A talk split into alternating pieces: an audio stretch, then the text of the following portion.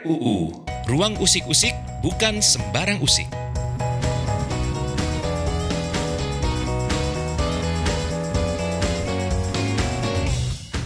Kemajuan teknologi digital tidak selalu menghasilkan cerita yang indah. Keterbukaan akses membuat kita terpapar pada berbagai ancaman keamanan. Peretasan akun contohnya. Apa sajakah ancaman-ancaman keamanan digital yang perlu kita ketahui? Bagaimanakah cara kita melindungi diri? Untuk menjawab pertanyaan-pertanyaan tersebut, Ketua Pengawas Koalisi Seni, Linda Humar Abidin, berbincang dengan Kepala Divisi Keamanan Online Southeast Asia Freedom of Expression Network. Halo, perkenalkan saya Linda Humar Abidin, mewakili Koalisi Seni, sebuah perkumpulan yang sejak 2012 mendorong terwujudnya kebijakan publik yang berpihak pada kemajuan ekosistem seni yang lebih baik di Indonesia. Baru-baru ini, Koalisi Seni yang saat ini beranggota 333 praktisi dan pemerhati seni di 24 provinsi, melalui rapat umum anggota telah mengesahkan kepengurusan baru yang berkomitmen untuk penegakan kode etik anggota koalisi seni. Terima kasih banyak.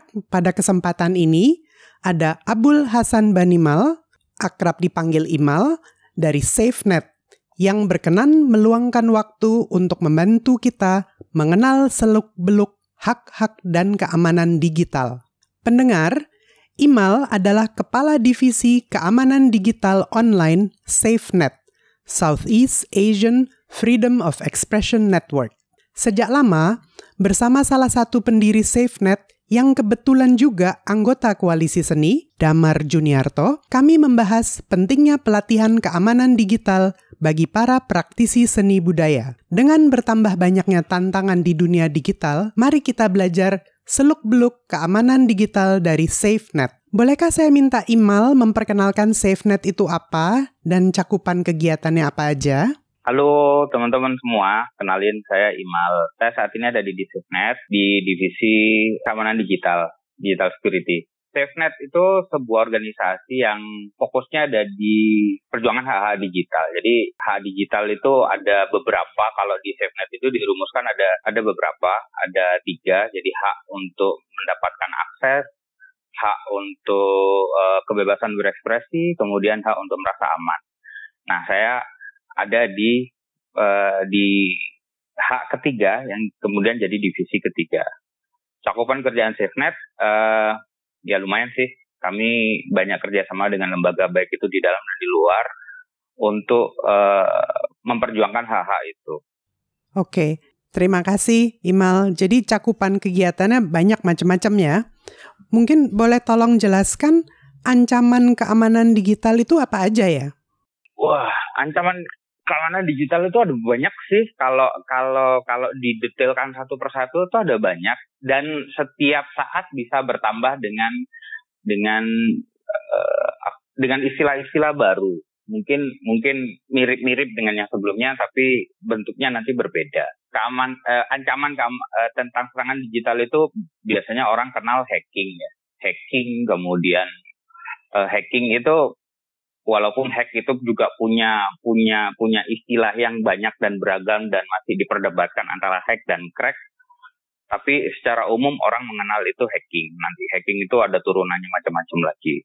Kemudian ada uh, hacking web, terus pengambil alian akun itu juga banyak orang mengenali sebagai hack. Ada phishing, ada phishing sekarang juga mulai ngetren phishing pakai V. Jadi ada phishing pakai P, PH, PHI, SIN, SING. Kemudian ada phishing yang pakai V itu sekarang mulai ngetren. Kemudian doxing. Doxing itu juga juga salah satu uh, serangan digital. Walaupun kalau yang selain lainnya itu lebih apa ya istilahnya ya? Istilahnya teki ya. Teknis banget gitu. Kita harus ya kayak di film-film gitu ngetik-ngetik atau bahasa coding dan lain-lain. Doxing dikerjakan tidak dengan itu semua. Jadi doxing itu lebih mengenali korban, tapi jauh lebih jahat sih kalau buat saya. Ada banyak sih kalau kalau kalau serangan digital. Terima kasih banyak Imal. Saya belajar banyak hal baru nih. Tadi uh, ada disebutkan saya baru tahu juga itu ada salah satu ancaman keamanan digital apa tadi istilahnya doxing. Boleh uh, bantu kami memahami elaborasi sedikit lagi apa sih doxing itu? Doxing itu uh, dia bentuknya mengambil informasi pribadi seseorang kemudian disebarluaskan. Uh, mengambil informasi pribadi seseorang ini bisa dari kegiatan yang sangat teknis dengan bahasa pemrograman dengan aplikasi dan lain-lain tapi bisa juga dengan uh, mengamati si korban itu itu uh, ya saya nggak bisa bilang asiknya dunia internet tapi ya memang begitu sih. Internet mem membuka apa pun yang di yang imajinasi kita. Uh, apa sky is the limit. Kalau di kalau istilahnya kan gitu sky is the limit. Kalau di internet jadi nggak ada batasan. Jadi eh, mengamati seseorang mengamati perilaku kemudian menyusun itu semua eh, jadi jadi jadi apa yang diinginkan oleh si pelaku kemudian sudah mau dibawa ke mana yang di barang kalau kemudian cuma dilepas begitu saja di media sosial gitu misal iya itu akan jadi bola liar yang bahkan pelaku utama pelaku pertama sudah tidak bisa mengontrol dan e, kalau misal serangan digital yang lain, misal trojan atau virus gitu, itu ada antivirusnya. Nah, kalau doxing tidak ada antinya. Jadi e, korban doxing itu e, yang pertama kali mereka rasakan itu selalu depresi. Oke, terima kasih banyak. Jadi caranya gimana supaya kita bisa aman berinteraksi di dunia digital? Poinnya ada di pengguna kesadaran bahwa uh, semua bisa kena. Nah, itu ada situsnya itu semua bisa kena the jaring.id. Itu kumpulan korban serangan digital. Tapi uh, konteksnya lain itu ITE. Cuman sama, maksudnya gini. Semua bisa kena itu memang betul-betul semua bisa kena. Saya punya potensi untuk kena. Mbak Linda punya potensi untuk kena. Siapa pun punya potensi untuk untuk kena. Uh, itu harus disadari itu harus disadari oleh semua orang karena internet buat internet hari ini uh, sudah jadi keseharian. Internet hari ini sudah jadi hal yang tidak bisa dipisahkan. Kita bangun tidur, buka mata, yang dilihat pertama kali itu bukan burung pipit berkicau, pohon melambai-lambai, bukan. Yang kita lihat pertama kali adalah uh, handphone.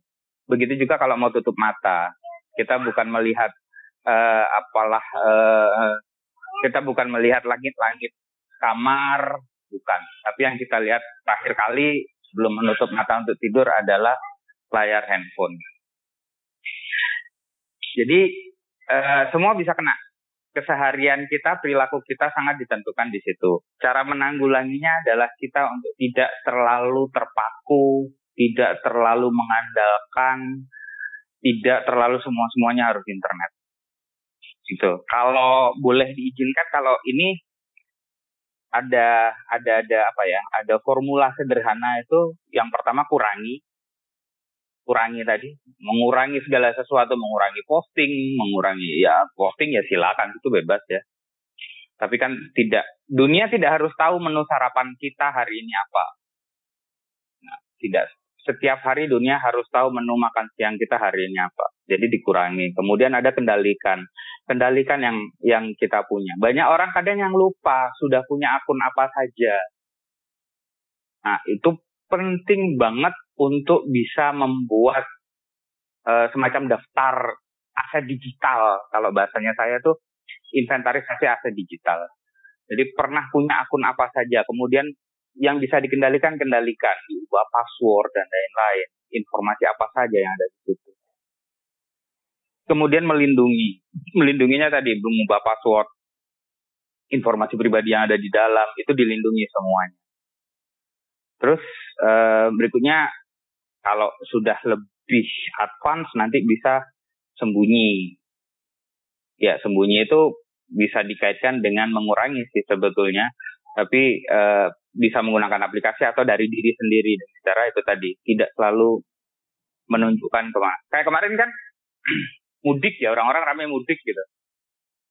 itu banyak itu teman-teman saya di status medsosnya itu posting boarding pass. Nah itu rawan itu, itu rawan kejahatan nggak nggak cuman kejahatan digital, kejahatan yang konvensional kan tahu jadi orang.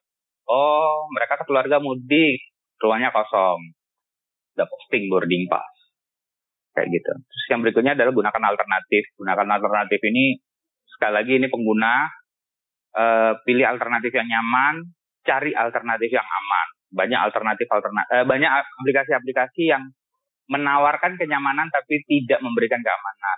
Terima kasih banyak Imal untuk penjelasannya yang sangat berguna bagi kita semua.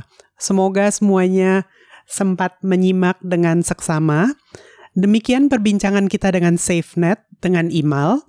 Bila ingin mengenal tentang SafeNet dan serba-serbi tentang keamanan dan hak-hak digital, silakan klik situs web SafeNet www.safenet.or.id atau bisa menghubungi melalui email info at safenet.or.id. Terima kasih.